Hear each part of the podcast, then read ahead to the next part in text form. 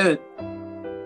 Ben herkese öncelikle iyi akşamlar demek istiyorum. Bugün e, biz Mehmet Ali Alabora ile iletişime geçtik ve dedik ki hocam bizim şiddet üzerine, kadına şiddet üzerine, hayvana şiddet üzerine yani genel olarak şiddet başlıklı e, temalı bir e, kısa film çektik.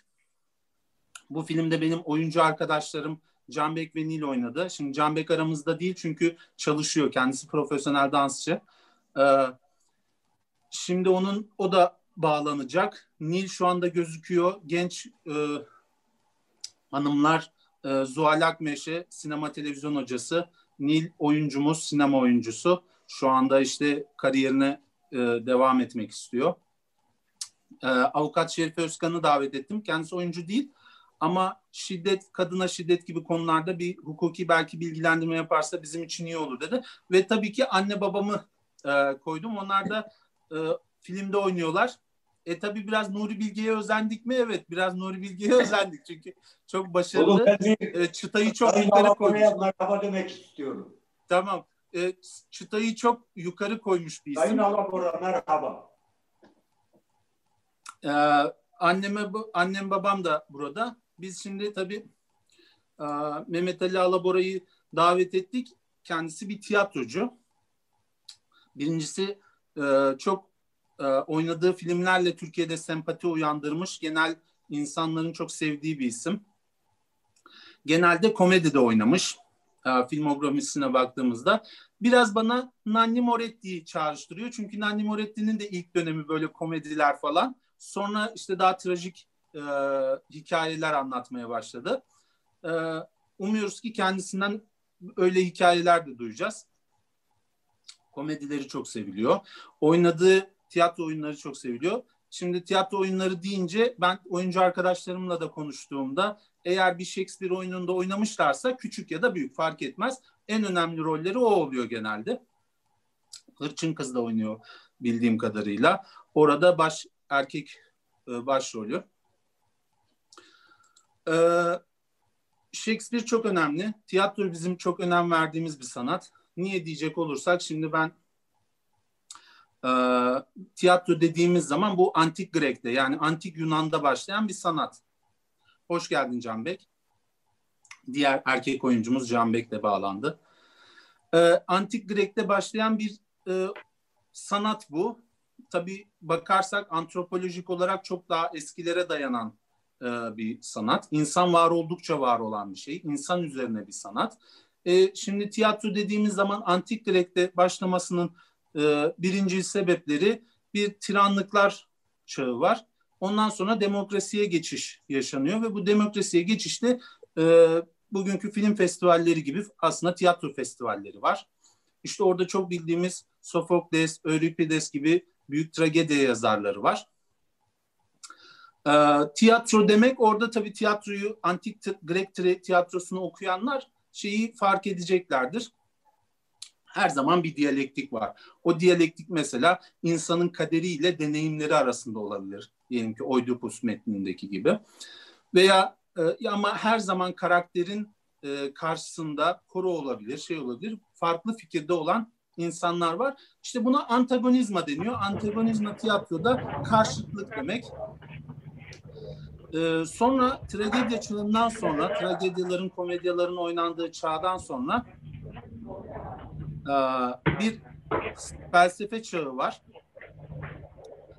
E, felsefe çağında tabii Sokrat'la başlıyor. Sokrat öncesi filozoflar da var ama şeyi gözlemliyoruz. Yine diyalektik, e, tiyatrodan gelen diyalektik, Yunan düşüncesindeki diyalektik orada çok güçlü. Nasıl? Sokrat'ın bir düşüncesi var karşısındaki kim olursa olsun onun bir düşüncesi var. Sokrat bu e, onun e, tezlerini çürüterek bir noktaya varıyor. Aslında bakacak olursak tiyatro ve demokrasi beraber gelişmiş iki alan. E, tabii Hegel de benimle aynı fikirde. Ben biraz dersi uzattım. Kusura bakmayın. Benim e, aslında yüksek sans tezimde çok değindiğim bir konuydu. Şimdi şunu söylüyorum. Hegel'in bir estetik kuramı var ve orada diyor ki işte Batı ve Doğu karşılaştırması yapıyor. Alman romantizmi için çok önemli bir şey Batı Doğu karşılaştırması. Ee, Goethe çok önemli bir şair. e, bir divan yazıyor.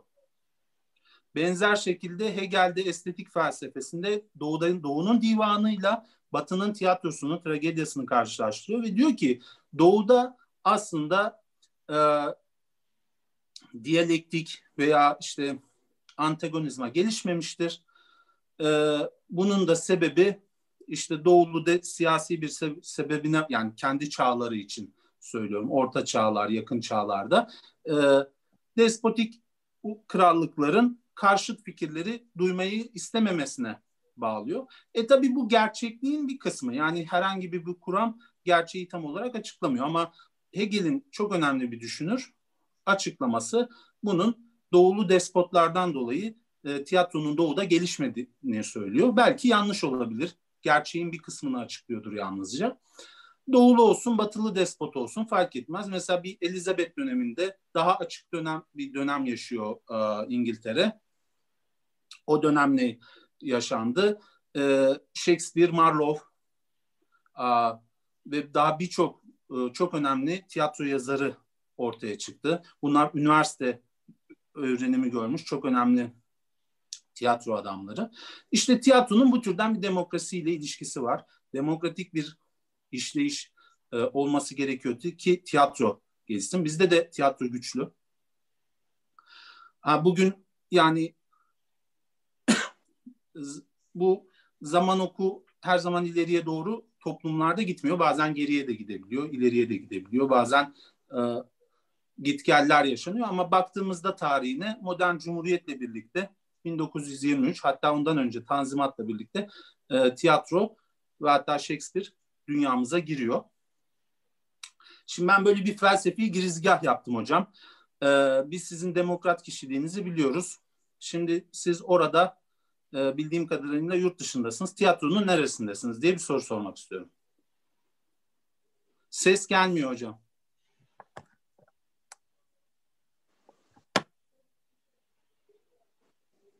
Hiç gelmedi. Ben sadece ben konuştum. Hiç karşı o karşılık olmadı.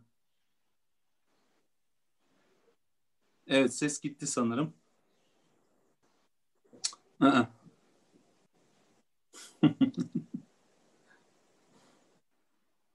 Biz ses duyamıyoruz hocam.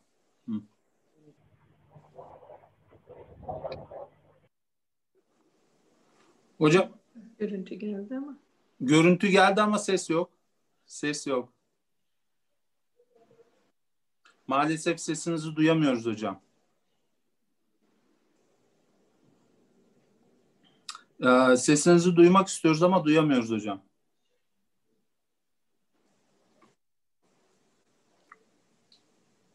Maalesef sesini duymak istiyoruz ama Mehmet Ali Alabora'nın sesini duyamıyoruz. Acaba seni de mi, sizi de mi duymuyor Mehmet Bey? Ee, bence bizi duyuyor ama sesi duyulmuyor. Hmm. Bence benim anlattıklarımla biraz paralel bir durum var. Yani çünkü ben de sesin tiyatronun demokrasiyle ve sesin e, duyulmasıyla alakalı olduğunu söylemiştim. Bir daha kabul ediyorum. Şimdi, Hocam biz sesinizi çok duymak istiyoruz ama duyamıyoruz. Şu, anda nasıl durum? Ama görüntü yok hocam. Ses tamam var. şimdi bir dakika görüntü gelecek. Bir dakika abi. Ya hocam, kusura bakmayın benim anlattıklarımla yani... biraz paralel bir durum oluyor. Yani biz, biz benim anlattıklarımla benzer bir şey oluyor. Yani biz sesinizi duymak istiyoruz ama hiç duyamıyoruz. Eyvallah. Yani ben e, 7 6 aydır burada e, bir meyhane işletiyorum. Online meyhane işletiyorum ve hiç böyle bir sorunla karşılaşmamışken bu toplantıda bununla karşılaşmak gerçekten inanılmaz oldu arkadaşlar. Demek kaderin, kaderin kader, bir cilvesi demek istiyorum. Tabii antik Yunan tiyatrosundan bahsedince kaderden de bahsetmek gerekiyor. Yani bizim Tabii. felsefi e, görüşlerimiz demek ki sizin bu sefer de görüntünüz yok. Biliyorum. Ama sesiniz var. Sesinizi duymak çok güzel. Şimdi hepsini halledeceğim inşallah. Bir tamam. dakika. Video. Evet kameramızı tekrar seçeceğiz. Maalesef seçemiyoruz çünkü şu anda kamerayı görmüyor. Peki o zaman siz devam edin arkadaşlar konuşmaya. Ben o sırada başka yerden bağlanacağım.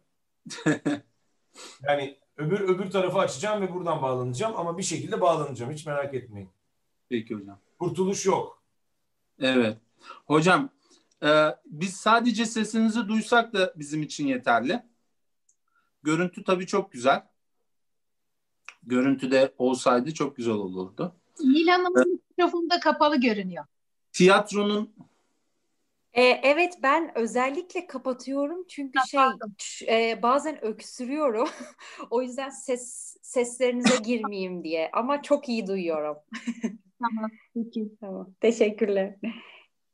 Evet şimdi biz Mehmet Ali Alabora'yı unutmayalım. Kendisini biz burada göremiyoruz ama aslında aramızda sesini duyuyoruz. Hocam biz birazdan göreceksiniz de. Birazdan göreceksiniz. Biz, siz devam edin. Ben birazdan görüntümle de burada olacağım. Tamam hocam bekliyoruz. Şimdi şöyle bir durum var. Ben hep konuşan burada tiranı oynayayım. Karşımda da hiç e, bir şey duyamayayım. Tabii ki olmaz. Tiyatronun neresinde olduğunu biz e, Mehmet Ali Alabora'nın İşte böyle bu kadar. ha, Gördün mü? geldi hocam bu kadar. Şimdi görüntü var, ses var. Hocam tiyatronun neresinde olduğunuzu biz biraz anladık. Şimdi Durumdan ders çıkardık. Şöyle anlatayım. Ee, bir dakika buradan çıkayım önce. Evet. Şöyle anlatayım. Ee, ben e, buraya geldiğimden beri yani Galler'e geldiğimden beri tiyatro yapıyorum. Ee, ve e, bir tiyatro grubuyla beraber yani kendi tiyatro grubumuzu kurduk ve Galler'i dört kere bugüne kadar dört ya da beş kere turneledim. Bütün Galler'i turneledim. Ee, dolayısıyla da e, tiyatroculuğa devam ediyorum. En sonda e, Nazım Hikmet'in Memleketinden İnsan Manzaraları oyununu Müthiş. yapmıştım. Bir klasik. Fakat e, araya e, melun Covid girince hayat bizi bambaşka bir yere sürükledi ve ben 6 aydır e, bu ekranın başında oturuyorum ve yepyeni bir online projeyi yürütüyorum. Dolayısıyla sanat biraz geride kaldı. E, startupçılık oynamaya başladık bu sefer de.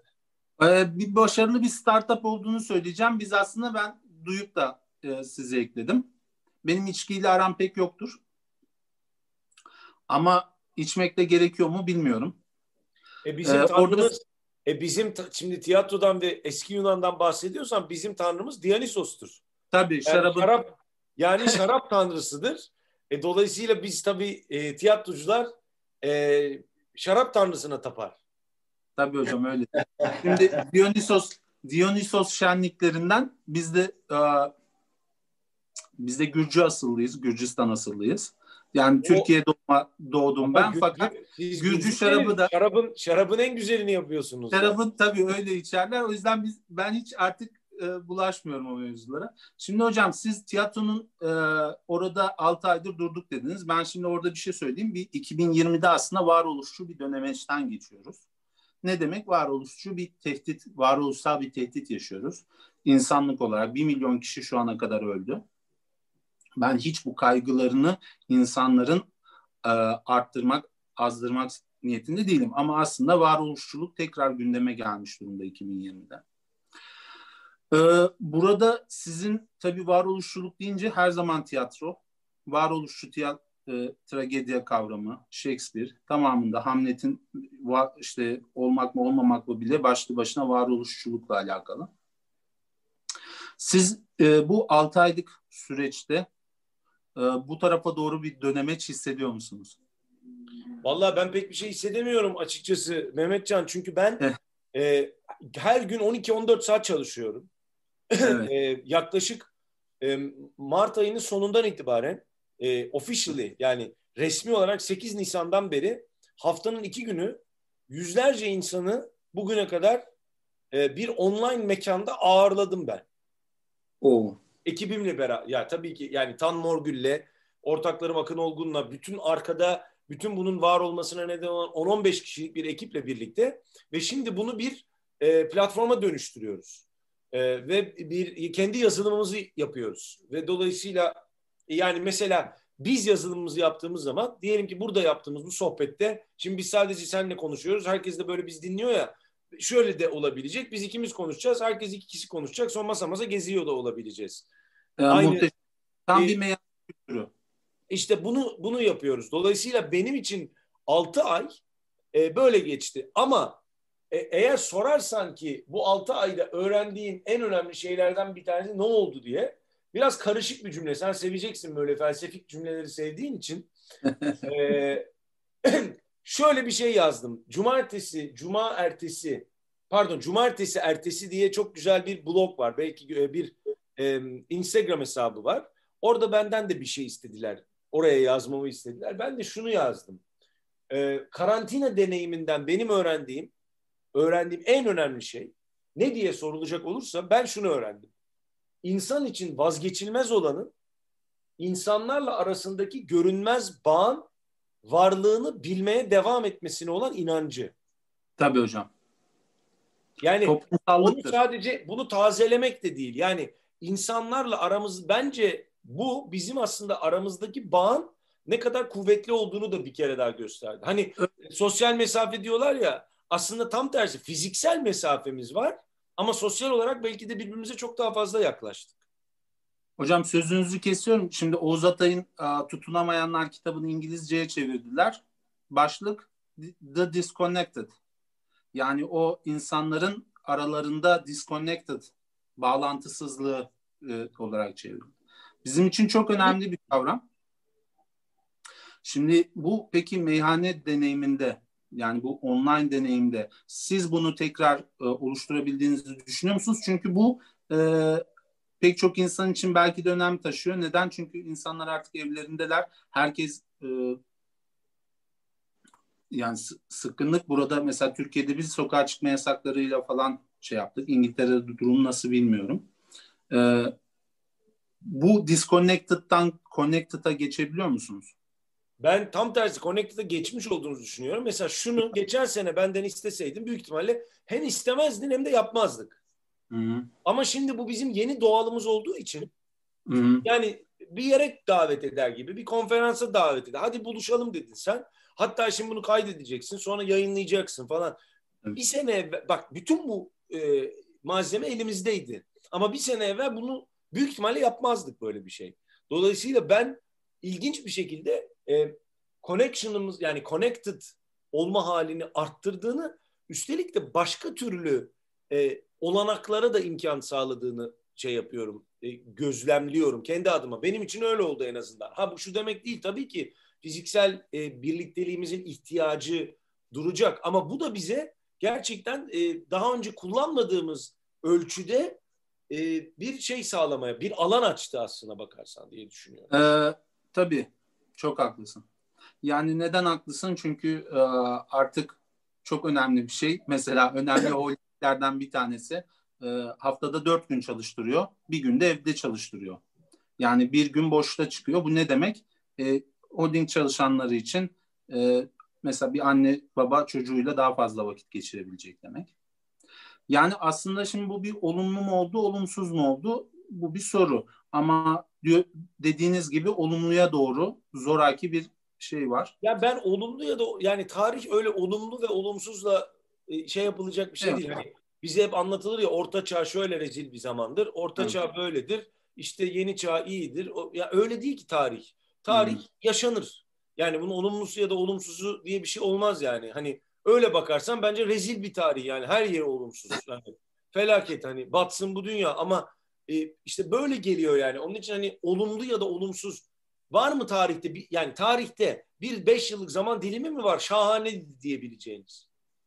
Ya ben şimdi tabii İlber Ortaylı gibi olmak da istemiyorum burada sürekli kitaplardan falan bahset. Ama şöyle bir hadise var. Diyor ki e, Umberto Eco bu şeyden bahsediyor. Gül'ün adını yazdığı zaman e, aslında Orta Çağ o kadar da karanlık bir çağ değildir diyor. Neden bunu söylüyor? Çünkü nihayetinde Poetika'nın Tragedya kitabı bize ulaşmıştır. Yani kendini antik Yunan'la şey bilir. Yani çok karanlık gibi gördüğümüz birçok şeyin içerisinde de olumlu şeyler olabiliyor. Bu içinde bulduğumuz bulunduğumuz bu karanlık bir salgın pandemi ne olduğu bir yani neden kaynaklandığı pek de bilinmeyen şey içerisinde olumlu şeyler var. Dediğiniz çok doğru. Hocam peki e, sinemanın e, şu an en önemli kıtalarından yani adalarından bir tanesi. Niye hiç koku çıkartıyor? Ken Loach'u çıkartıyor çok önemli bir e, ada İngiltere. Ee, bütün bu pandemi sürecinde tamam e, bir sürü kişiyi ağırlıyorsunuz. Bilmiyorum o kadar içebiliyor musunuz? Ciğer durumu nasıl bilmiyorum. Ama e, sinemadan da sinema izlemekten, film izlemekten koptunuz mu? Film izliyor musunuz? Ne yapıyorsunuz? Ben çok sinemaya meraklı değilimdir. Aa, Yani Çok- şöyle söyleyeyim. Bir sinefil değilimdir yani. ha yok ben de o kadar değilim. Yani Hayır yani şöyle söyleyeyim. Mesela ben 3 ay film izlemesem aa hiç film izlemedim diye böyle şey olmam yani. Ama ben 3 ay müzik dinlemesem titreme gelir yani. Hayatımda hiç 3 ay müzik dinlemediğim olmamıştır. Dolayısıyla yani ben şimdi bakınca ben, ben izlemekten çok dinlerim yani. Eyvallah. Bunu övünerek söylemiyorum yani. Sadece hani öyle yani böyle oldu hayatımda. Hocam peki yani bir tiyatrocunun böyle bir girişime girmesi şimdi bak düşündüğüm zaman çok normal ve güzel. Biz de inşallah böyle ma aile ve e, arkadaşlarımla falan katılacağız meyhane deneyimine. E, peki şunu sor- soruyorum yani e, madem sinemadan e, bahsetmiyoruz ama belki Ken Loach e, işte siyasi bir sinema. Şimdi ben kaç yaşındaydım? 17 17 ya da o tabii 17 yaşındaydım. O zaman barışarak olmuştu. O zaman sizin sahneye çıktığınızı ben hatırlıyorum. Evet. Ben de o zaman tabii kız tavlamak için falan geliyorum. Öyle bir 17 yaş şeylerindeyim. Hangi An- barışarak ama hangi barışarak acaba? Çünkü 5 sene falan yaptı. Irak, Irak'ta Irak Savaşı'na karşı. O Ee, muydu acaba? ilk- Irak Savaşı öncesi. Eğer ilk barışaraksa Cem abi Değil. var. Cem Karaca sahnedeydi. Ha, Allah rahmet eylesin. Çok müthiş bir adam. Yani çok e, önemli bir ozandı o da. Şimdi ben oradan hatırladığım Rahmetli, rahmetli Kazım da sahnedeydi. Hep beraber sahnedeydik. Allah rahmet eylesin. O çok kaybettiklerimiz onlar. Ee, nur içinde yatsınlar. Şimdi oradan benim hatırladığım Mehmet Ali Alabora tabii her zaman siyasetin içinde ama siyaset derken tutup şimdi e, bir milletvekili olmaya çalışan bir siyasetçi değil. Umarım da olursunuz. Ee, Allah aktif siyaset içerisinde değildi ama eleştirel muhalif tarafını koruyan bir insan. Ee, politik Hayır, sinemayla ara aktif. Ben her zaman aktif siyasetin içindeydim. Parlamenter siyasetin içinde değildim. Ha evet parlamenter siyasetin içinde değildiniz ama siyasetin içinde aktiftiniz. Bu çok önemli. Biz bunu tabii işte o başta anlattığım tiyatrocu olmayla ilişkilendirdik. Yani bu sağ ya da sol görüş değil. Tiyatro her zaman muhaliftir. Her zaman e, demokrasi ister. Karşısında farklı fikir ister. Ee, Mehmet Ali Alabora'nın mesela siyasi filmlerle arası nasıl? Yani benim için filmin iyi olması önemli ya. Yani Evet. iyi bir film olması, siyasi olmasından benim için daha önceliklidir yani.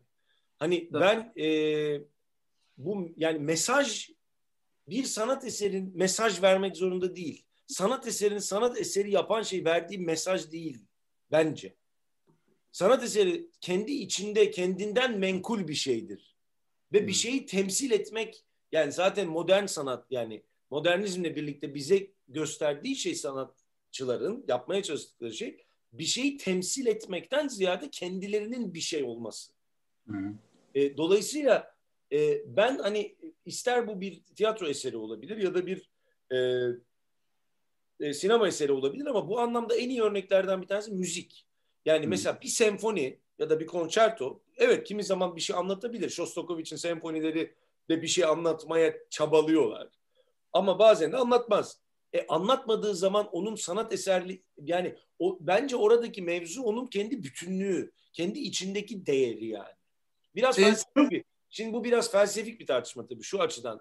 Oruç Hoca rahmetli onu da bu sene kaybettik. Onu da bu sene kaybettim. Çok Oruç Hoca benim hocamdı ve bu- bununla ilgili ben bu kadar e, derinlikli bir sohbet yapmaya yetkin değilim Oruç Hoca'nın yanında. Yani Oruç Hoca'nın muhabbetini ve dersteki Sokratik e, şeyinden, e, Rale-i Tedrisinden tabiri caizse geçmiş biri olarak. Ama şunu söyleyebilirim. E, benim için en azından mesaj değil yani bir filmin Hı. verdiği ya da bir işin verdiği mesaj değil kendisi, kendi bütünlüğü ve kendi sanat eseri oluşu değerli. Yani tümüyle katıldığımız bir gör, katıldığım bir görüş. Ee, iyi yapılırsa politik sinemada çok güzel ama mesela çok eleştirildi Nuri Bilge Ceylan çok ödül alan bir sinema sineması var. Kendi dünyası var. Mesela Mayıs Sıkıntısı muhteşem bir film ama bu niye böyle bir film diyor izleyen kişi. Ama aslında baktığımızda, izlediğimizde çok politik olduğu, kasabanın, kasaba yaşantısının ve o dönem kendi içerisinde 2000'lerin başında artık kasabanın giderek yok olması, belki de bir zamanlar Anadolu'ya doğru dönüşmesi yani o e, tekinsiz hale alması falan. E, biz de katılıyoruz hocam. Hiçbir zaman e, bir mesaj verme gayretinde olmadık diyemem. Ben biraz e, işte bu bir kısa filmdi. Bir mesaj verebildik mi bilmiyorum ama dediğiniz biraz gibi ekiple, biraz ekiple sohbet edelim ya. Ben de onları merak ediyorum. Ben Onlar işte- deneyim yaşadılar. Ben tiran hocam. Tiran ve kimsenin konuşmasına izin vermeyen tiranım burada. Ben sözü biraz bırakayım oyunculara. Çünkü sizin de sizden biraz da belki feedback gelir diye tahmin ediyorum. Ben Benim onların öncelikle öncelikle annenle babanın yaşadığı deneyim merak ediyorum. Sonra oyunculara da soracağım. Ee, sonra Şerife Hanım'ın da filmle ilgili görüşlerini, Zuhal Hanım'ın da yani onların da görüşlerini merak ediyorum açıkçası. Yani çünkü Şerife Hanım'ınki bambaşka bir açıdan olacak. Zuhal Hanım'ınki bambaşka bir açıdan olacak. Daha hani kendisi sonuçta bir sinema e, akademisyeni olduğu için bambaşka bir yerden bakacak ama önce anneyle baba. Ama anneyle baba olarak değil, oyuncu olarak yaşadıkları. Yani bizim amacımız oyuncu olmak değil tabii ki. Ee, Mehmet böyle bir oyundan bahsedince e, topluma güzel bir mesaj vermek amaç. Ee, e, tabii e, biz ne yapalım, ne, nasıl yardımcı olalım deyince e, oyun teklif etti. Biz de memnuniyetle kabul ettik. Yani bilemiyorum. Ee, mesela sizin gibi bir oyuncu karşısında benim oynadığım oyun sadece söylenenleri karşıdaki e, o kişinin e, ne düşündüğünü Mehmet'e sordum. Yani nasıl davranıcı içinde olduğunu, nasıl e, bunu oraya benim de ekrana verebileceğimi e, öğrendim. Ona göre de kendimi e, becerebildiğim kadarıyla oynaya, oynadım, oynamaya çalıştım da. Peki onu yaparken yani ak- neler geçiyordu aklınıza? Ne düşünüyordunuz yani o anın içinde olduğunuzda? Nasıl nasıl yaptı yani ne yaptınız? Şimdi şöyle diyeyim ben e, o anda mesela ben birisi beni kameraya çekiyor diye onu düşünmüyordum. Sadece orada yaşanan olayın ve o kişinin günlük yozlaşan bir ilişkiler ağı içinde nasıl bir yerde olması gerektiğini kafamın içinde yerleşip ona göre e, daha doğrusu el ve mimik hareketleriyle onları tamamlamaya çalıştım. Yani onun dışında ol- olduğu gibi doğaçlama benimki. Yani Peki. tamamen doğaçlama. Peki yorucu muymuş? Yorucu muymuş bizim işimiz? Hocam Yok. pardon doğaçlama dedi de doğaçlarken, pardon, Özellikle yönetmenim oğlum olunca o işi zevkle yaptım. Bir de oğlumla beraber olmak da bana çok zevk verdiği için o işi de çok zevkle, büyük bir zevkle yaptım. Yani. hocam doğaçlama deyince yanlış anlaşılıyor. Yani o met- bir metin var değil mi baba? Var. Ha, o metni ben önceden hazırladım siz onu oynadınız. Evet. Tabii tabii. Ha, o, tamam onu söylüyorum yani. Ya baban güzel rahat oynadı da hayatım ben tabii zorlandım. İkimiz gözümün içine Ama bakıyoruz. e, bir de şimdi Ni- Nil var. Nil kızımız var. O mesela bu işin eğitimini almış. tabii profesyonel. O profesyonel mesela şimdi bazen izliyoruz burada filmi. Onun oyunuyla bizim oyunumuz arasında oldukça büyük farklılıklar var yani. O Can olduğu gibi Evet. oynamış. Biz biraz da işte birkaç şeyden sonra belki ama orada bir seferlik olur. O da o kadar yani. O da oğlum için. Peki Nil sen nerede nereden mezunsun ya da okuyor musun hala? Ee, Ben- hocam ben e, benim aslında oyunculukla ilgili ilişkim şey yok. yani şöyle ben Marmara Sinema Televizyon mezunuyum Ee, ve sonra yüksek lisans yaptım yine Marmara'da. E, ve doktoramı tamamlamaya çalışıyorum ama e, sinemayla ilişkim oyunculuk üzerine değildi. E, akademik gitmeye çalıştım. Yani yüksek lisansı bitirene kadar kadrolar işte kovaladım. Üniversitede kalmaya çalıştım ama üniversitelerin böyle karışık olduğu bir dönemde. O yüzden atanamadım ve kadroya giremedim. Ee, o yüzden de şey yani aslında oyunculuk değildi hedefim ve hiç kamera önünde de olmadım üniversite hayatım boyunca da.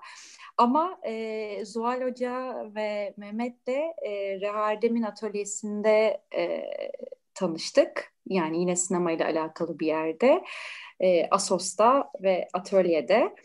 E, orada böyle çok değişik üretimler yaptık. Film çekmek değil ama e, görüntü imajlarını birbiriyle ilişki içine koymak üzerine. Ve sonra bir daha hiç görüşmedik. E, ne kadar oldu Mehmet bilmiyorum ama herhalde beş yıl olmuştur. E, ve böyle bir, bir değil mi? Bir mail geldi ve bir şey var, bir şeyler var sizle konuşmak istiyorum dedi.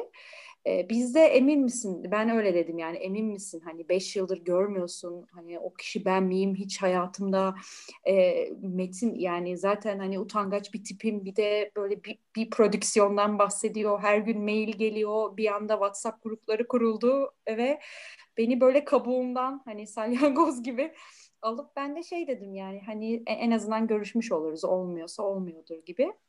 Yani e, Yavuz ailesi çok teşekkür ediyorum övgüler için ama çok utandım. Hem sizin karşınızda hem onlar e, çok daha durumu idare ettiler e, gibi.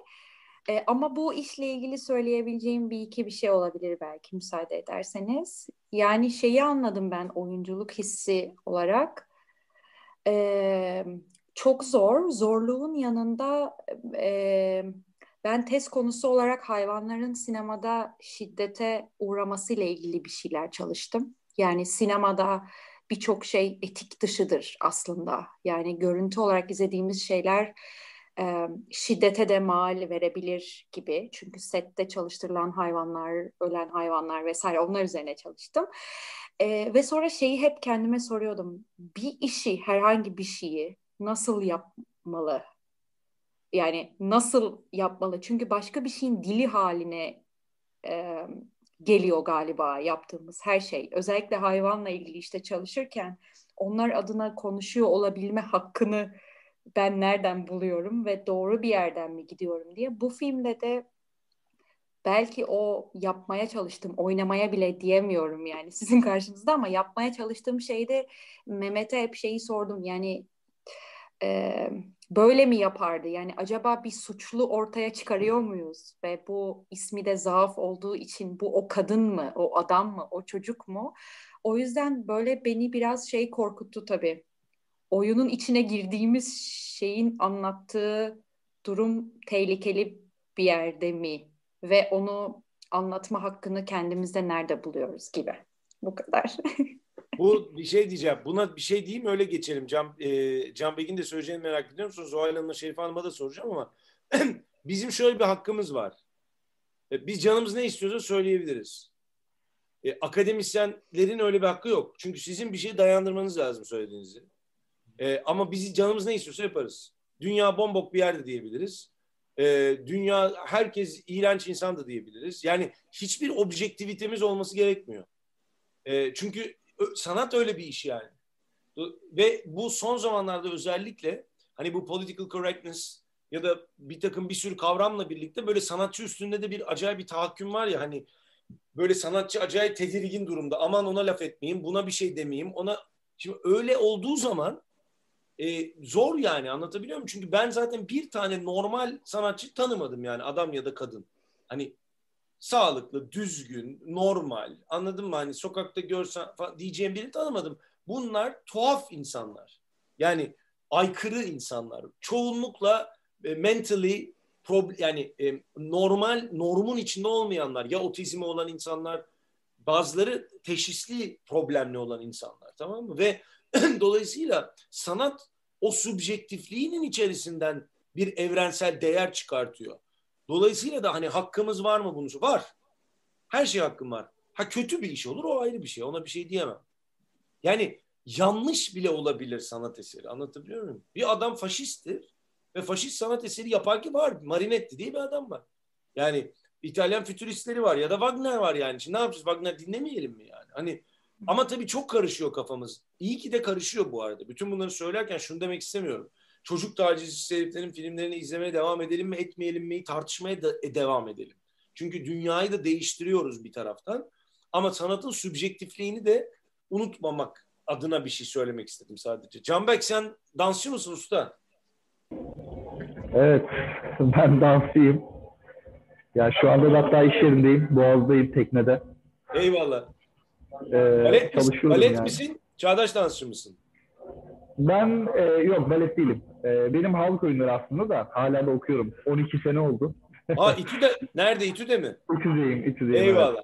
Halk oyunları bölümündeyim. Orada devam ediyorum işte, bitirmeye çalışıyorum şu anda. Boğaz'da da işte turistik bir teknede dans ediyorum her akşam. İyi. Senin Yani için nasıl? Senin dans. için Peki sen bir dansçı olarak sonuçta performersın. Yani senin için Evet. performans. Aynen. Peki ve sonuç itibariyle aslında dans yani aslında bütün hepsi oyunculuktur. Yani oyunculuktan kastım şunu demek istiyor. Aktörlük değil. Oyuncu Evet, evet. eğer Türkçenin bize verdiği imkanla duyarsanız değil mi? Oyun yapan, oyun satan, oyun bozan, oyun oynatan oyuncu, aktör değil. Aktör bir tane iş. Aktör. Oyuncu ise Tuluatçı'dan tutun da e, Karagözcü'den halk oyuncusuna hepsi oyuncu. Ki halk oyunları özel olarak içinde oyun barındıran, karakter barındıran, Evet. dramatik bir yapı barındıran bir şey. Dolayısıyla sen de bir performer ve bir oyuncu olarak nasıl bir e, en çok neyle zorlandın mesela?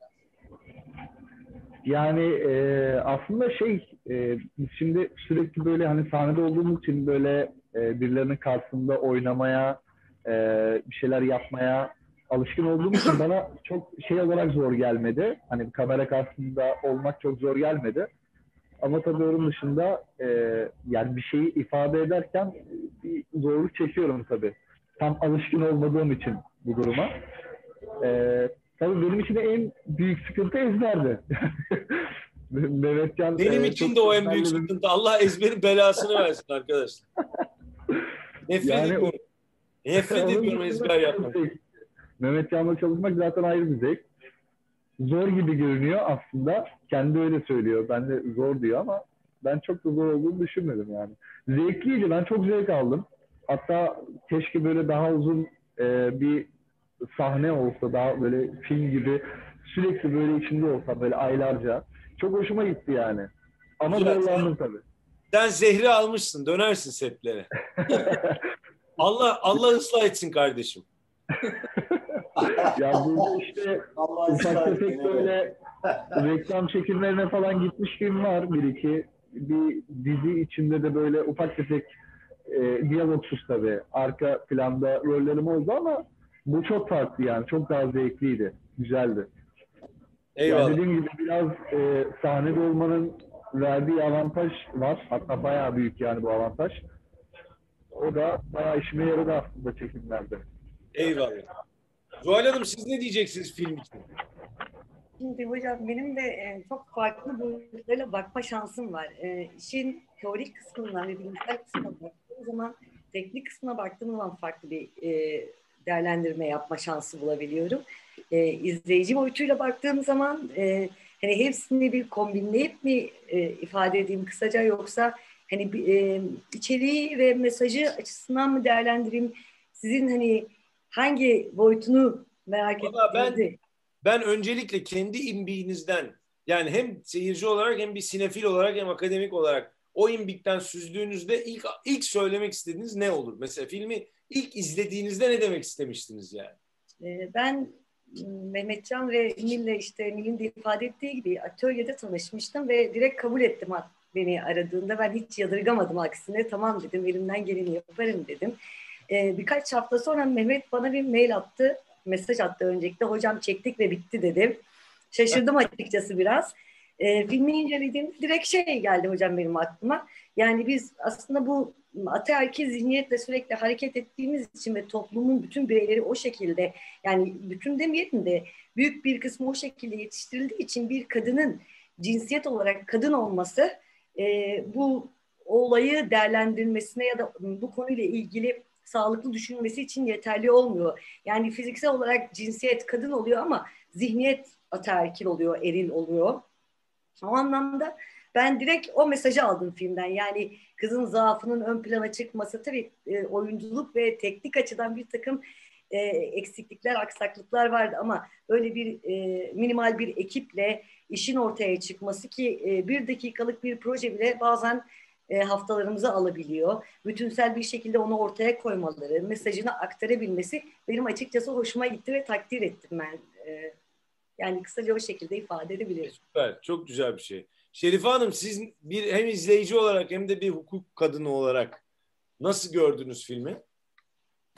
Ee, şimdi biz e, ben filmi izlerken empati yapma imkanı buldum. Yani filmde genelde empati yapabiliyorsam, genelde izleyicilerde öyle herhalde. Yani kendimden bir şeyler bulabiliyorsam o film hoşuma gidiyor. Ben bu filmi yaparken empati yaptım. Mesela e, şey o, öncelikle oyuncuları sempatik buldum. Oyuncular hoşuma gitti. Yani konuşma tarzları, hareketleri, hayatın içindeki insanları bana hatırlattı.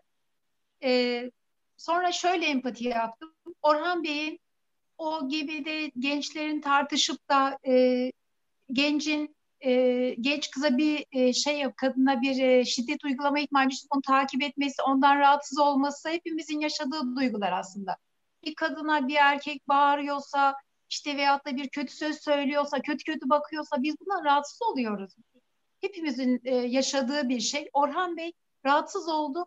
Peşinden gitti hatta bir adım ileriye gitti, takip etti. Sonra eve geldi, eşine orada otururken, bahçede, masada otururken eşine yorum yaptı.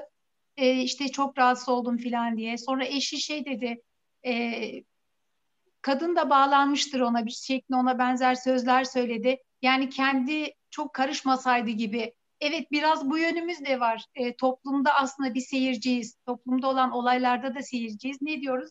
Aa bir şey oldu zaman çocuğumuz geldi zaman şurada bir kavga oldu anne diye geldi zaman çocuğum aman yavrum sen uzak dursaydım ya eşime ama sen uzak dursaydın gibi şeyler de söyleyebiliyoruz. Kendimize de korumak istiyoruz. Çünkü bu, bu tip insanlar yakınlarındakine zarar verdikleri gibi olaya karışan veya çevredeki kişilere de zarar verebiliyorlar. Bu yönden de empati yaptım e, hoşuma gitti. E, aile olarak hoşuma gitti e, film. Sanki e, kendimizden bir kesit gibi gördüm. Bir de şey, sizin şimdi oyuncuların mesela e, şey vardır, film e, çevirirken, siz film çekerken veya tiyatroda oynarken bir senaryomuz vardır, bir metnimiz vardır. Hukukçuların da bir metni vardır. E, bir problemi olup da bize e, insanlar geldiği zaman biz bir e, olay yazarız, olaylar deriz. Hatta dava dilekçesine bile olaylar diye bir şey yazarız aynı sizin senaryo yazmanız gibidir. Biz olayı şekillendiririz. Ha bakın böyle böyle olmuş. E, kişilerin de rolleri böyleymiş. Buna göre de hangi kurallar uygulanacak şeklinde yorumlarız. E, izlerken biraz mesleki alışkanlıkla bu yönden de baktım tabii ki. Yani izleyici olarak bu şekilde hissettim. Peki bir şey söyleyeyim ben. Ee, aslında Buyurun. biraz yani Şerife Hanım'ın yorumu evet çünkü ben aslında üçüncü tragedi, üçüncü sayfanın bir e, hikayesini anlatmaya çalıştım. Yani üçüncü sayfa sürekli şey oluyor, e, değişiyor ve sürekli korkunç korkunç haberler okumaya başlıyorsunuz. Bu tabii bir ruh sağlığı gerektiriyor bütün bunları okuyabilmek. Yani son dönemde okuduğum üçüncü sayfalardan biz bir uzun metraj projemiz de var seneye planladığımız. E, Capote, Amerikalı bir yazar.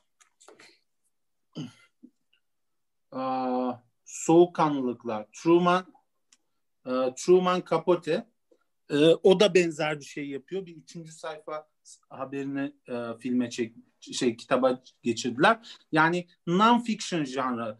Yani e, benim tabii non-fiction janrı değil. Fiction. Ama gerçek bir takım olaylara dayanıyor. Bir benzerlik var. Mesela Capote'nin yaptığı şey şu. Bir üçüncü sayfa haberini almış, gitmiş, o olayın bütün tanıklarıyla konuşmuş, bütün mekanı gezmiş falan. Yani e, bambaşka bir edebi tür oluşturmuş. Biraz ondan etkilendik. Filmi de var. 1960'larda çekilmiş bir film. Benim küçük notum bu hocam. Oyuncularla siz tabii ki devam edin. Ben yok. Şimdi böyle bir filmde oyunculara söylenecek bir şey yok. Sana söylenecek bir şey var. Onların yapacakları bir şey. Onlar oyuncu değil çünkü. Hı hı. Yani oyuncu olmayan insanlara oyunculuk öğretmek değil oradaki mevzu. Oradaki mevzu oyuncu olmayan insanları kullandığındaki bir sinemacının buna yüzde yüz hakkı var. Ee, orada yapmak gereken şey on, yani şimdi şu, ne olursa olsun biz hepimiz senin malınız. Yani senin senin boyalarınız anladın Bu senin işin. Biz ha, gerçek bir otör öyledir hocam. Biz sen işini e, yapabil diye oradayız. Yani biz e, kendi alanımız içinde e, yani şöyle düşün. Senin boyalarınız, fırçanız, tuvaliniz yani biz oyuz. Bizim bir irademiz yok. Yani bizim şöyle bir irade bu film şunu anlatsın bence falan diye bir şey yok. O zaman filmde o, yani o filmin sözünü beğenmiyorsak o filmin sözünü değiştirmeye çalışamayız. Oynamayız o filmde. Hmm. Ve sana güvenmemiz lazım. Şimdi oradaki en önemli mevzu bu istiyorsan profesyonel oyuncularla çalış, istiyorsan e, amatör oyuncularla çalış. E, ben e, hep şu benzetmeyi kullanıyorum. E, hem yönetmenlik hem oyunculuk yaptığım için. At bindiniz mi hiç? At binen var mı burada? Ben bindim. Heh. Yani. Çok güzel. At binmiş olanlara söylüyorum. Uzun yıllar bindim. Abi o zaman bak bunu en iyi sen anlayacaksın. Şimdi atı tutuyorsun. Buradan elinde değil mi at? Evet. Şimdi, eğer at senin acemi olduğunu anlarsa senle başlar dalga geçmeye. Götü başı evet. başlar. Ama evet. at at oradaki ilişki şöyle tahakküm ilişkisi değil. At eğer sana güvenirse yani o bir alfa gücüdür. Alfa deriz ona. Eğer onu güvenirse sana o şeye geldi mi baş boyun yapar ve birlikte hareket etmeye başlarsınız. Ama bu acayip bir şeydir. Yani şu var ya şu. Atın evet. sana güvenmesi lazım. Oyuncu da at gibidir. 18 yaşındaki bir oyuncu 80 yaşındaki bir yönetmenle dalga geçebilir biliyor musunuz? Dalga hemen geçer yani. Abi işte bu da biliyorsun bizim ihtiyarlamış falan filan diye. Eğer şu yoksa anlat onu hissetmiyorsa. Burada tahakkümden bahsetmiyorum. Başka bir şeyden bahsediyorum. Evet, evet. Ve aynı şekilde 80 yaşındaki bir oyuncu 18 yaşındaki bir çocuğa yönetmene saygı duyabilir. Çünkü oyuncular kontrol edildikleri, daha doğrusu kendilerini bırakabildiklerini hissettikleri zaman özgürleşirler. Hmm. Bir oyuncu için en fena şey her şeyi yapabilecek olmaktır. Yani daha doğrusu kendi kendini yönetmeye başlaması ve yönetmenin seninle ilgilenmemesidir. Bu normal oyuncuları yönetirken de böyle ama profesyonel olmayanları yönetirken başka bir mevzu var. O da onları kandırmak. Ama nasıl kandırmak? Öyle bir yani şey kandırması değil. Bu çocuk gibi düşün çocuk. Çünkü biliyorsun ben bir film çektim. Ee, Yüksel Aksu ile birlikte bir koca şehri oynattık yani. Müthiş bir şey. Bir Müthiş bir komedi. Üç ay, üç hafta non-stop Muğla'da uygulama otelinin bahçesinde oyun oynadık. Üç hafta. Niye oynuyoruz? Çocuk gibiyiz çünkü. Kendimizi o oyuna inandırmaya çalışıyoruz. Bir oyun kuruyoruz etrafımızda ve kendimizi onun içine inandırmaya çalışıyoruz. Yani baban nasıl annen de ama baban biraz daha bayağı inandırmış oyuna kendini. ama şu oradaki önemli olan şu. Başka bir gerçekliğe taşınıyoruz ya. Başka bir gerçekliğe taşınıyoruz. Ve bazen profesyonel olmuyor. Çünkü profesyonel olmayan oyuncuların başka bir gerçekliğe taşınması bazen daha zordur. Pardon profesyonel oyuncuların. Çok şey bilirler çünkü. Yani kimi zaman profesyonel olmayanları tercih etmenin nedeni de bu olabilir. Çünkü oyun işte yani. Ha orada virtüözite apayrı bir şey. Virtüözite seyretmek de muazzam bir başka bir şey yani. O bir kemancının bir konçerto çalması gibi. Tabii ama, hocam. Ama Mayıs sıkıntısını seyrettiğin zaman ya böyle bir hani belli bunlar oyuncu değil ama öbürü oyuncu mu Muhammed oyuncu mu acaba? Şey Muhammed demişim. Muammer miydi adamın adı? Böyle kafan karışıyor tamam mı? Bu bu mesela müthiş bir şey. Yani yani orada çünkü gerçekle oynamaya başlıyorsun. Ama benim yine söyleyeceğim şudur. Oyunculara söylenecek bir şey yok. Burada tamamen her şey senin elinde. Ve orada şöyle bir durum olabilir. Profesyonel olmayan oyuncuyu da zorlamamak lazım. O da çok önemli. Yani o ne yapabiliyorsa onu öne çıkartmak lazım. Yani çünkü onun bu elinde şeyi yok ki. E, malzemesi yok. Anlatabiliyor muyum? Yani bu şey gibi e, 100 metre koşucusu olmayan birine hadi hadi koş koş diye zorlamak. Yani o, o ya da şöyle ya da bir şancı olmayan şimdi benim sesim var. Evet biraz şarkı söyleyebilirim ama benden bir Arya'nın bilmem kaçıncı bilmem nesi söylemek istersen o malzeme yok bende. O, dolayısıyla o Arya'yı bana göre adapte etmen lazım ki söyleyebiliyormuş gibi ol, olayım yani. Hani benim onu söyleyemediğimi anlamayın. Profesyonel olmayan oyuncuyla çalışırken de öyle. Ama benim bence en önemli birinci koşul o çocuk oyununa inandırmak. O e, ikinci tabii. dünyaya, o ikinci dünyaya hep beraber inanmak. Onun da benim için onun en büyük şeyi oyunu kurmaktan geçiyor. Sahneleri evet. çekmek değil. Sahneleri çekmek dünyanın en kolay iş. Film çekmek çok kolay bir iş. Söyleyeyim yani filmi herkes çeker. Buraya koyuyorsun, buraya koyuyorsun. İnşaat yapmak. Esas o filmi kurduğun dünyayı yaratmak. O ön, yani ön, o güne ya motor dediğin ana kadar gelen dünya yaratmak çok önemli.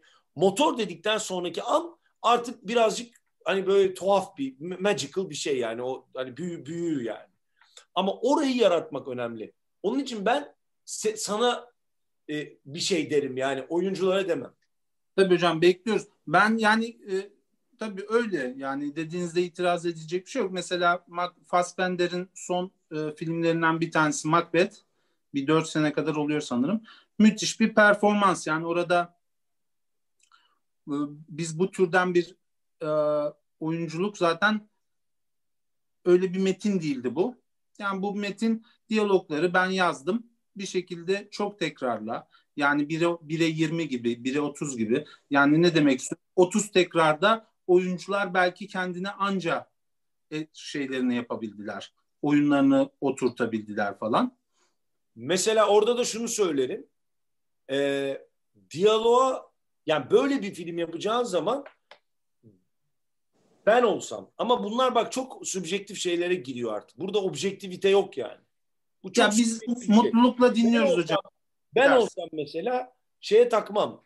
Diyaloğa takmam. Yani tabii ki benim yani orada öngördüğün şeyi söyleme yani e, dramatik aksiyonun içinde gerekli olan lafları gerektiği kadar söylesinler ama İngilizce söyleyeyim yani come across oluyorsa yani bize geçiyorsa söyleyeceği şey ben mesela lafa takmam. Onların ağzına oturtmasına takarım. Ee, Bazı biz... noktalar vardı filmde. Diyaloğu biraz fazla diyaloğu zorlamışsın gibi. Hmm. Yani senin bir diyaloğun var, sen konuşuyorsun. Anladın mı? Onu hani bu da bir Şimdi bak onu onu şöyle açıklayayım. Ee, aslında o benim yapmaya çalıştığım bir şeydi. Tabii ne kadar başarılı oldum bilmiyorum. Siz şimdi çok deneyimli bir oyuncusunuz. Aynı zamanda tabii oyuncu yani yönetim yani yön, e, kamera arkası tarafında da çok işler yapıyorsunuz. E, şimdi ben tabii daha ikinci bu benim ikinci filmim. İlk kez diyaloglu bir film çekiyorum. E, oturtmaya çalıştığım şey aslında benim de öyle bir şey. E, şunu yapmaya çalışıyorum. Mesela siz ne dersiniz bilmiyorum. Bazı kelimeler çok önemli. Ama diğer kelimeler mesela V kelimesi diyelim bir, met, bir, bir, bir diyalog yazdınız içinde V var. Bu V o kadar önemli bir şey ol, değil. Ama mesela kayıp kelimesi çok önemli. O yüzden benim kaybı duymam lazım ama geri kalanında oyuncunun ağzına oturması lazım. Ha bunu ne kadar başarabiliyorum? İşte başarabildiğim kadar başarıyorum. Gittikçe de daha şey oluyor. Yani e, benden bu. ya tabii ki yani e, ama dediğim gibi evet anlıyorum ne demek istediğini ve tabii ki kaybı orada duymamız lazım. Yani orada o önemli bir kelime. Onun içinde kayıp varsa onu duymamız lazım. Benim demek istediğim bazı sahneler var. Bak bu da bu e, bilerek de yapılabilir.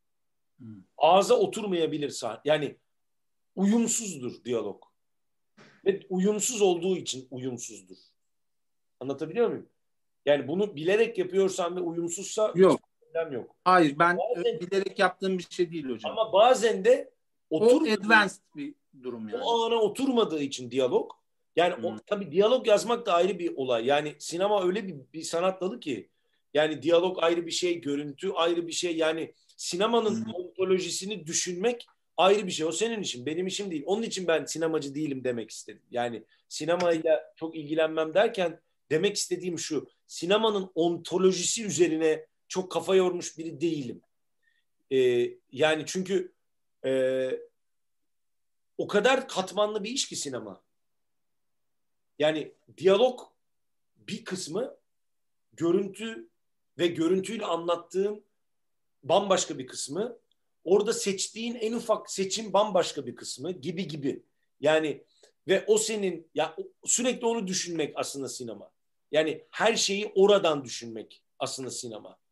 Ee, Tabii doğru e, öyle. Yani benim aslında hocam aslında benim değil her aklı başında yönetmenin de ulaşmak isteyeceği şey aa, seyircinin oturup kendini oyunculuğa kaptıracağı e, ve hikayenin içerisine girebileceği bir sinema. Şimdi ben tutup hani bilerek Öyle deme. Öyle deme.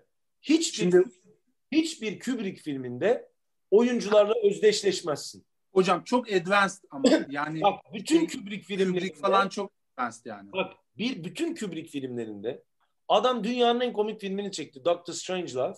Oturup kahkahayla gülemezsin filmde. Çok karanlık bir film. Dünyanın o sıradaki en güzel kadını ve en yakışıklı adamının çiftini çekiyor. Kadına karşı bir afeksiyon hissedemiyorsun.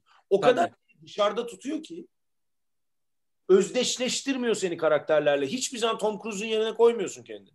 Ya da Yok, çok ya da- çok hocam. Full Metal Jacket'ta Joker'ın yerine koymuyorsun kendini hiçbir zaman. Öyle- bir kere şunu söyleyeyim. Resip, reçete yok. Hmm. Reçeteler var. O reçeteleri takip edebiliriz. Amerikan filmlerinin reçeteleri var. Klasik Amerikan filmlerinin. Efendim e, yeni gerçekçilerin reçeteleri var.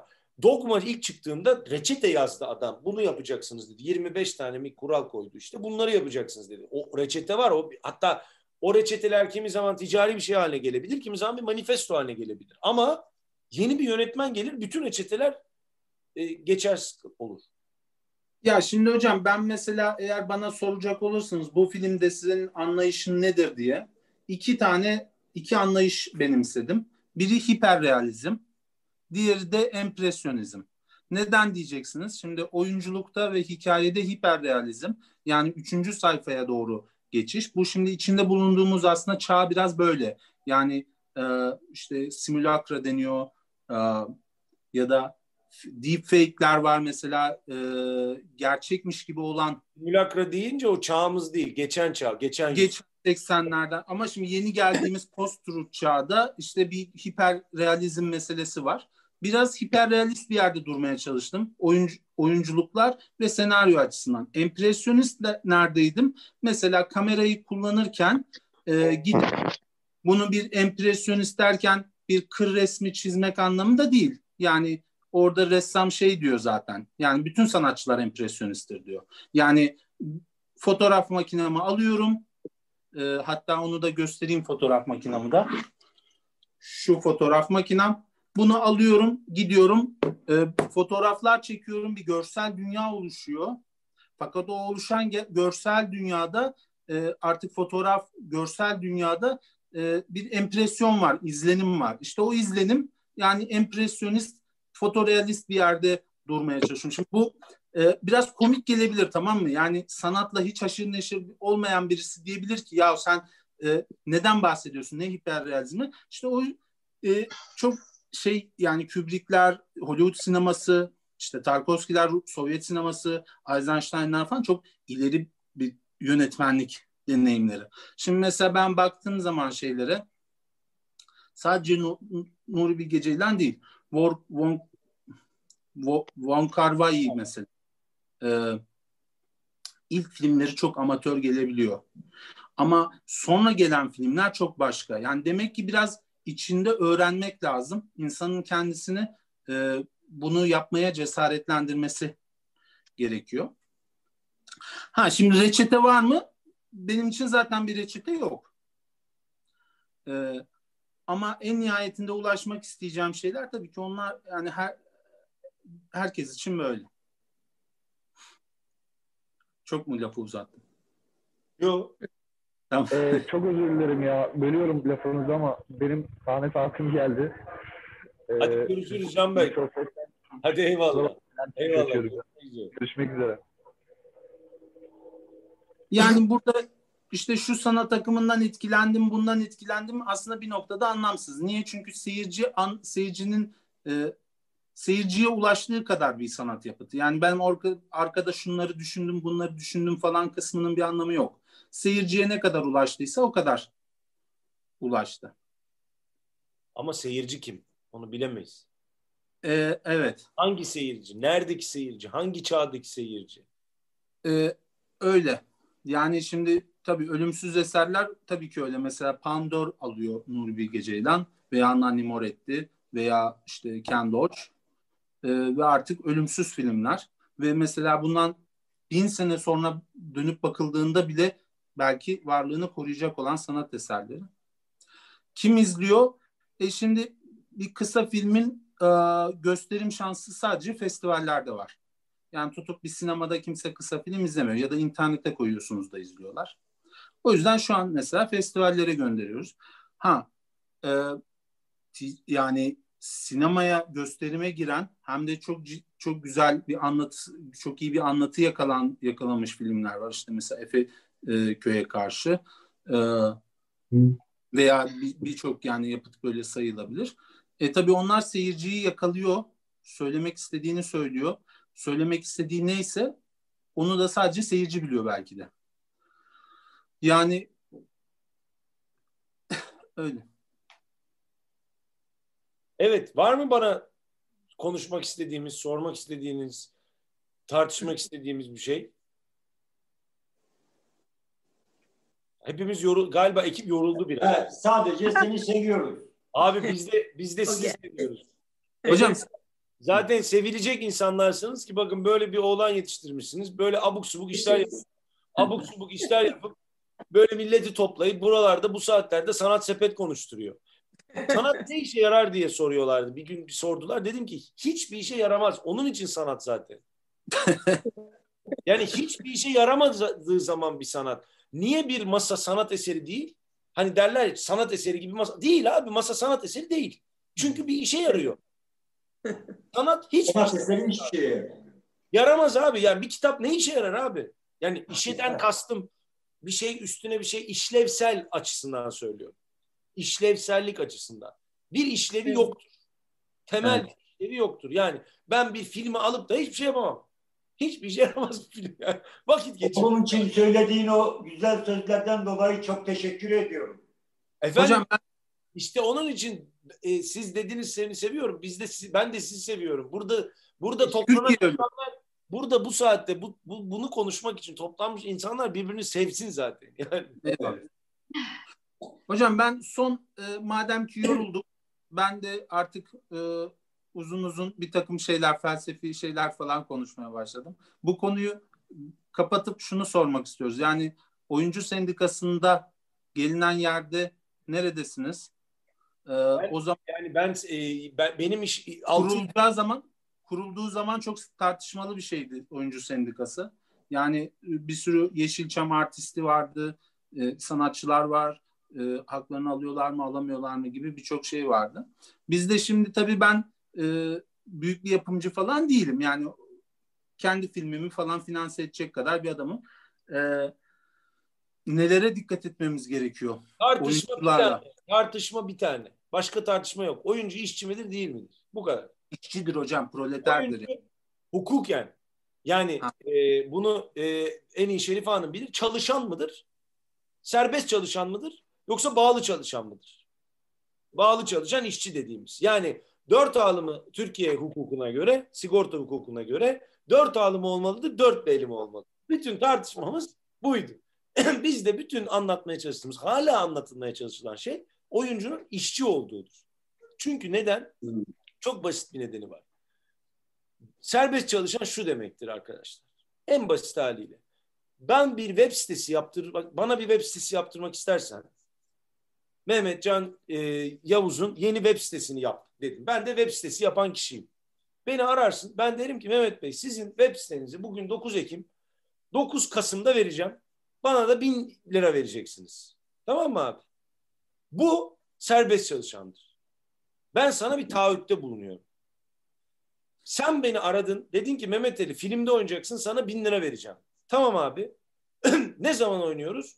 9 e, Ekim bugün. 20 Ekim'de sete ineceğiz. 9 Kasım'da bitecek. Benim ne zaman oraya geleceğime, ne zaman eve gideceğime, ne zaman yemek yiyeceğime, ne zaman uyuyacağıma, ne yapıp ne edeceğime sen emir veriyorsun. Senin talimatında çalışıyorum ben. Web sitesinde ise istiyorsam son gün sıkarım kıçımı yaparım. Sen haberin bile olmaz.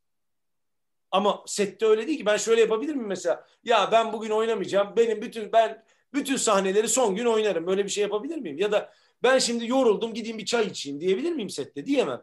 Ama web siteni yapıyor olsam değil mi? Sen bilmiyorsun ki arada üç tane toplantı yaparız. Ha iyi gidiyor dersin. Olur biter. İşte bu kadar basit. Bunu anlatmaya çalışıyordum.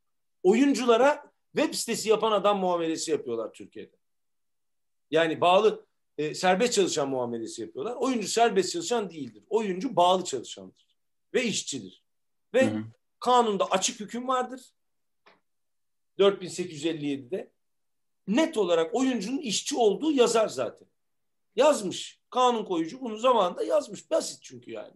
Fakat bunu uygulattıramadık. Merak ediyorsanız budur. Eğer oyuncularınızı eğer oyuncular iyi bir şey yapmak istiyorsan oyuncularını oynadıkları süre içinde 3 günse 3 gün, 4 günse 4 gün sigortalı.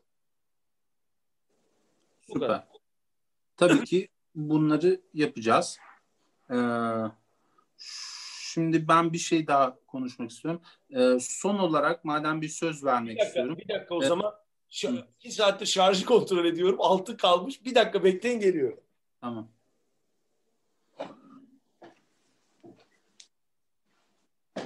Heyecanlanmaya başladım. Yani niye böyle? Eskiden böyle değildi. Baba. E, ha canım oğlum. Sen de gelebilir evet. misin kardeşim? Evet. Şimdi ben şeyden bahsetmek istiyorum. Ee, Avukat Şerife Özkan e, bir avukat olarak şiddet konusunda bir bilgilendirme e, yaparsa ben mutlu olacağım. E, söyleyeceğiniz bir şey e, varsa Şerif Hanım. Ben e, kısaca değineyim. E, bu çok gündemde olan bir konu. E, söylediğiniz gibi televizyon haberlerini artık izlemeye korkmaya başladık. E, gazetelerin üçüncü sayfalarında, birinci sayfalarında her yerde artık şiddet var. Her çeşit şiddet var. Kadına şiddet, çocuğa şiddet, efendim e, hayvana e, şiddet. Yani şiddet boyutları çok büyük e, Türkiye'de. Bunun Hocam, e, yasal çerçeve işçiye de yani, yani oyuncu olma oyuncu olsun ha, olmasın işçiye karşı yani, uygulanan hani dövme tabii, anlamında da, değil iş güvenliği anlamında. Tabii. Tabii iş güvenliği, e, iş güvenliği de var, e, mobbing de var. E, tabii çalışan işçiler yönden, hani sinema işçileri yönden bu olabilir. Nil Hanım'ın söylediği e, hayvanlara işte e, mesela filmlerin sonunda, dizilerin sonunda hiçbir hayvana canlıya zarar verilmemiştir gibi yazar yazılıyor artık. Bu da güzel bir şey e, bilinçlenme de var. Sanat çevresinde bu konularda daha duyarlı olduğunu düşünüyorum. E, yani sadistçe hayvanlara kötülük eden kesim daha farklı bir kesim gibi geliyor bana. Sanatçılarla onu bağdaştıramadım fazla ama yine de hani e, şey için e, bir herhangi bir eşya gibi de kullanılmaması lazım tabii ki hayvanların dizilerde oynarken. O da farklı bir konu. Yani daha çok şiddet dendiği zaman kadına ve çocuğa yapılan şiddet geliyor. Aslında kadın ve çocukla özdeşleşti toplumda. E, bununla ilgili olarak yasal düzenlemeler var e, ülkemizde. Hem de ciddi güzel e, düzenlemeler de var. Fakat e, bir türlü tam olarak uygulanamıyor e, veyahut da insanlar haklarını bilmiyorlar. Bu sebepten e, yasal olarak tam vakıf olamıyoruz. Yani bakanlık da çalışıyordur bu konuda, ve çeşitli vakıflar, derneklerde çalışıyor bu konuda. Kadınlar da belli bir düzeye kadar şey ama yine de bilinmiyor. Bizim e, ben e, aile hukuku üzerinde çok çalışmış bir avukatım. E, boşanma davalarında, velayet davalarında çok gündeme geliyor. Mesela sizin filmi de izlerken e, o dosyalardan birisi gibi düşündüm. Yani bu şekilde işte iki genç anlaşamaz, şiddete uğrar ve avukata gelir gibi. E, her dosya bir senaryo gibi dediğim gibi her dosyada ayrı bir olay da görüyoruz. E, insan mesela şiddete uğrayan bir kadın nereden başlayacak? Nereye gidecek? E, nereye gidecek? İlk e, ne yapması lazım? Yani kocası dövüyor veya sevgilisi dövüyor veya çocuğu dövüyor veya da çocuğunu dövüyor e, beraber yaşadığı insan. Bunu kim koruyor? Yani devlet ne şekilde koruyor? Kadın nasıl ulaşacak? Kadın aslında sadece 155 arayıp polisi arayıp e, şiddete uğruyorum dediği zaman bu işi bir yerden yakalamış oluyor. Yani bir en yakın karakola giderek 155'e e, telefon açarak imkanı varsa gittiği zaman aile mahkemesi karakol savcılığa, savcılık e, aile mahkemesine müracaat ederek e, aile mahkemesi makamından bir karar veriliyor. E, 6284 sayılı e, kanun e, ismi altında ailenin korunması ve kadına karşı e, şiddetin korunmasına ilişkin bir yasamız var bizim. E, bu yasada şiddete uğrayan e, aile bireylerinin korunmasına ilişkili olarak hükümler e, e, kabul edilmiş. E, ne gibi tedbirler alınabilir diye. E, mesela şiddet uğrayan bir kadın e, kocasına ait bir evde oturuyor olabilir. Kocasının mülkiyeti kocasına ait bir evde ve kadına sen bu evden git diye kovabilir, şiddet uygulayabilir ama kadının çocukları var. E, diyelim ki iki tane çocuğu olsun. Nereye gidecek bu kadın? E, çalışmıyor. Efendim e, bir geliri yok. Nereye gidebilir bu kadın? Ve kocası Hocam? Öyle artık bir şey erkek sorabilir miyim Şerif Hanım? Yani orada da bir tür istismar var aslında. Bir ev kadını şiddet Evet. görüyor ve gidecek Evet. bir yeri yok. Bunu anlatmak Evet. istiyorsun değil mi? Evet. Tabii ki polise gidecek. Evet yani. evet yani işte artık kadınlar çaresiz değil bunu bilmeleri lazım. Ka- kanun burada devlet burada onları koruyor. Mahkeme kararıyla koruyor. Yani böyle bir kadın geldiği zaman biz ona derhal şunu söylüyoruz. Hayır seni kocan evden atamaz. Seni kocanın evden atmaya hakkı yok. O ev bir defa e, müşterek konut yani hepinizin konutu. Bir kişi e, evden kadın veya erkek herhangi bir kişi e, diğerini evden atamıyor. Böyle bir şey olduğu zaman kadın şiddete de uğrama ihtimali varsa 155'e telefon açsın. E, zaten e, karakol savcılık otomatikman kadının yapması gereken şeyleri bu anlamda önlemlerin alınması için aile mahkemesine müracaat ediyor. Hocam, ve aile mahkemesi tedbirleri alıyor. Şerif Hanım yani sadede gelirsek Nil'in de söyleyecek bir şey var. Doğruca karakola gidiyorlar değil mi? Yani 155'i aramaları bile bir başlangıçtır. Aile Tamam. mahkemesi evden uzaklaş birkaç şey. Üç İyi ki cümle söyleyeyim. Var, iyi ki hukuk var diyoruz. Evet, Ya evet. da Hukuk, toplumsal e, olaylarda daha dikkatli olmasını istiyoruz. Ben Nil'e bir söz Evet. vermek istiyorum. Tabii. Buyurun. Ee, Şerife Hanım bunları anlatınca şeyi yine ister istemez düşünüyor oldum tabii. Yani acaba o zaman Mehmet'in filmi burada eee, nerede dur?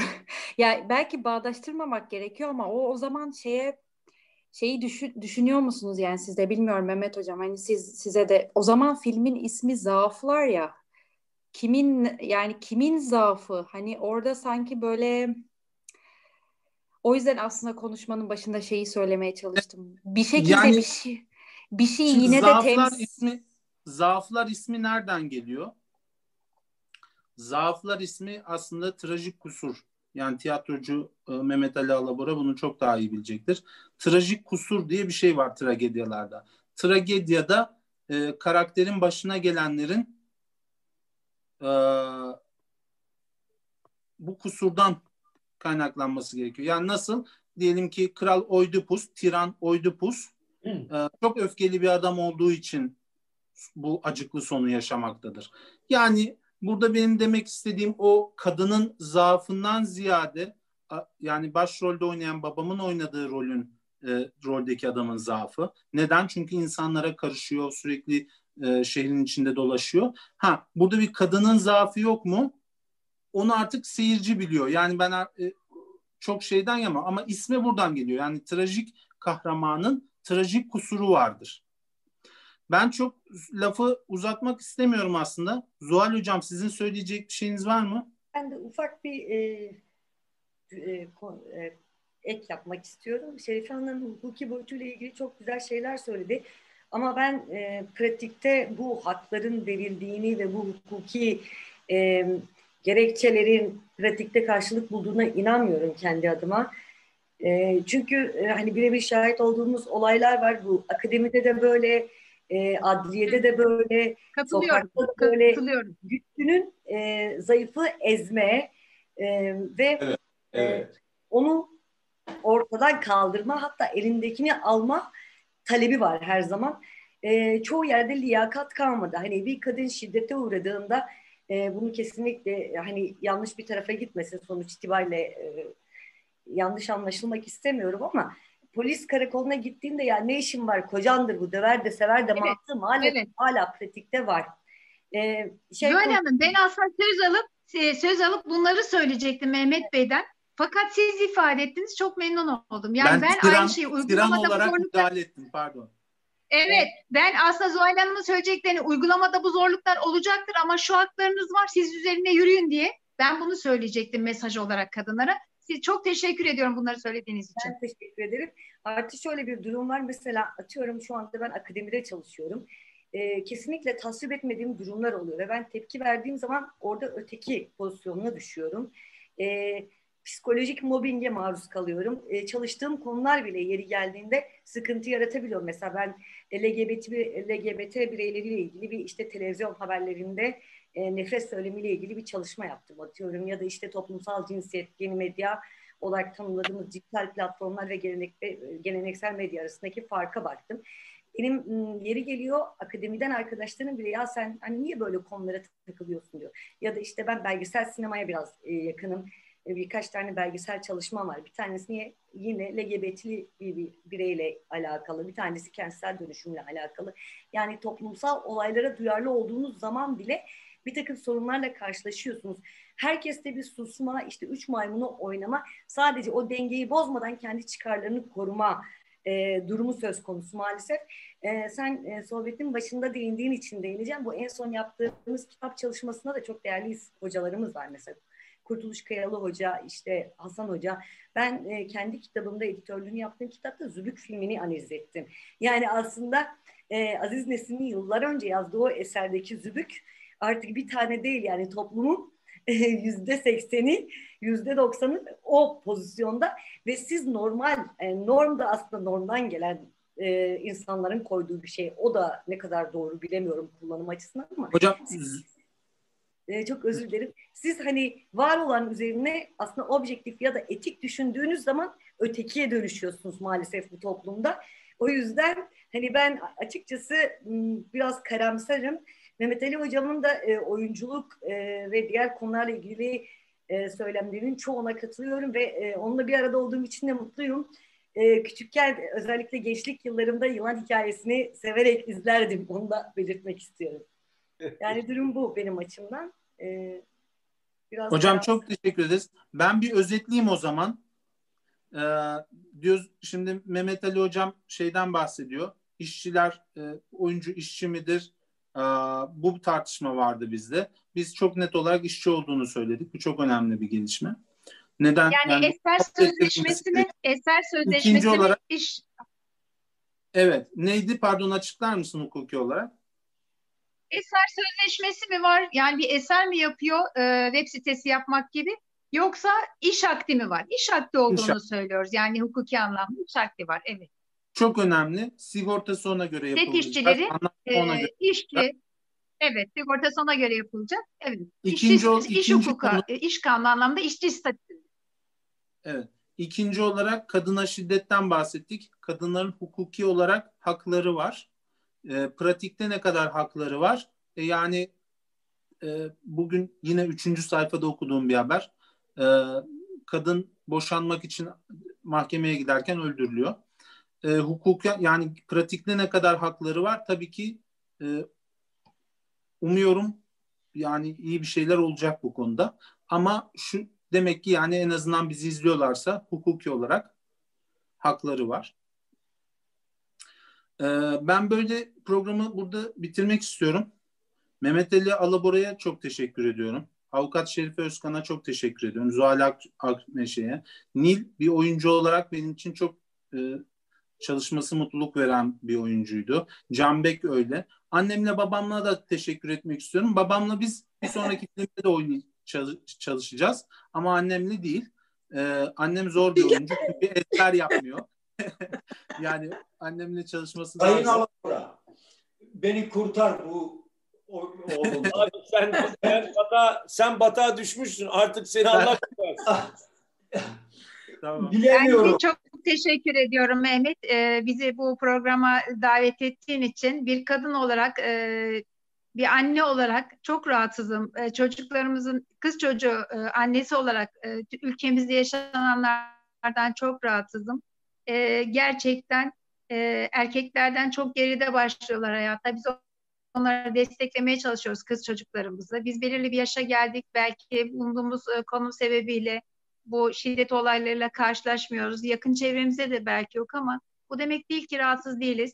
Ee, maalesef her aldığımız boşanma davasında kadınların hukuki e, ön seviyoruz.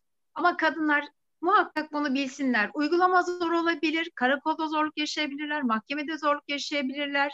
E, memurların, hakimlerin kişisel görüşleri devreye girebilir ama hakları var. Kanunlarda yer, uzun uzun uzun anlatma imkanımız olmadı. Fakat e, İstanbul Sözleşmesi 6284 sayılı kanun, Türk Ceza Kanunu'nun 96. maddesi işkenceye karşı e, eziyet olarak, e, işkencenin karşı eziyet olarak görmüş. E, kadınlar için, çocuklar için, insanlar için. E, hakları var, hakları olduğunu bilsinler, bunun takipçisi olsunlar, asla yılmasınlar kadınlar.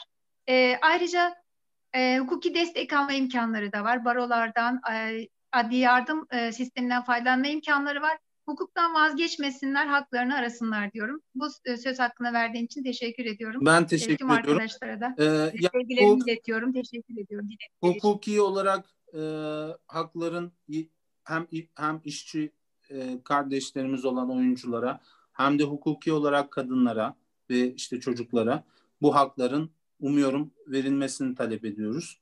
E, Mehmet Ali Alabora zaten ben yani bahsettim.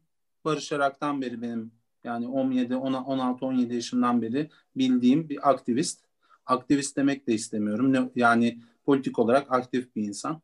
Her zaman bu türden e, insan hakları, insanların haklarını savunan kadınların, çocukların, hayvan, hatta hayvanların insan ötesi yani e, hakların hakkını savunan, belki de ekolojist yani şey öyle bir şeydi. Barış Arak biraz ekolojist bir yerde duruyordu.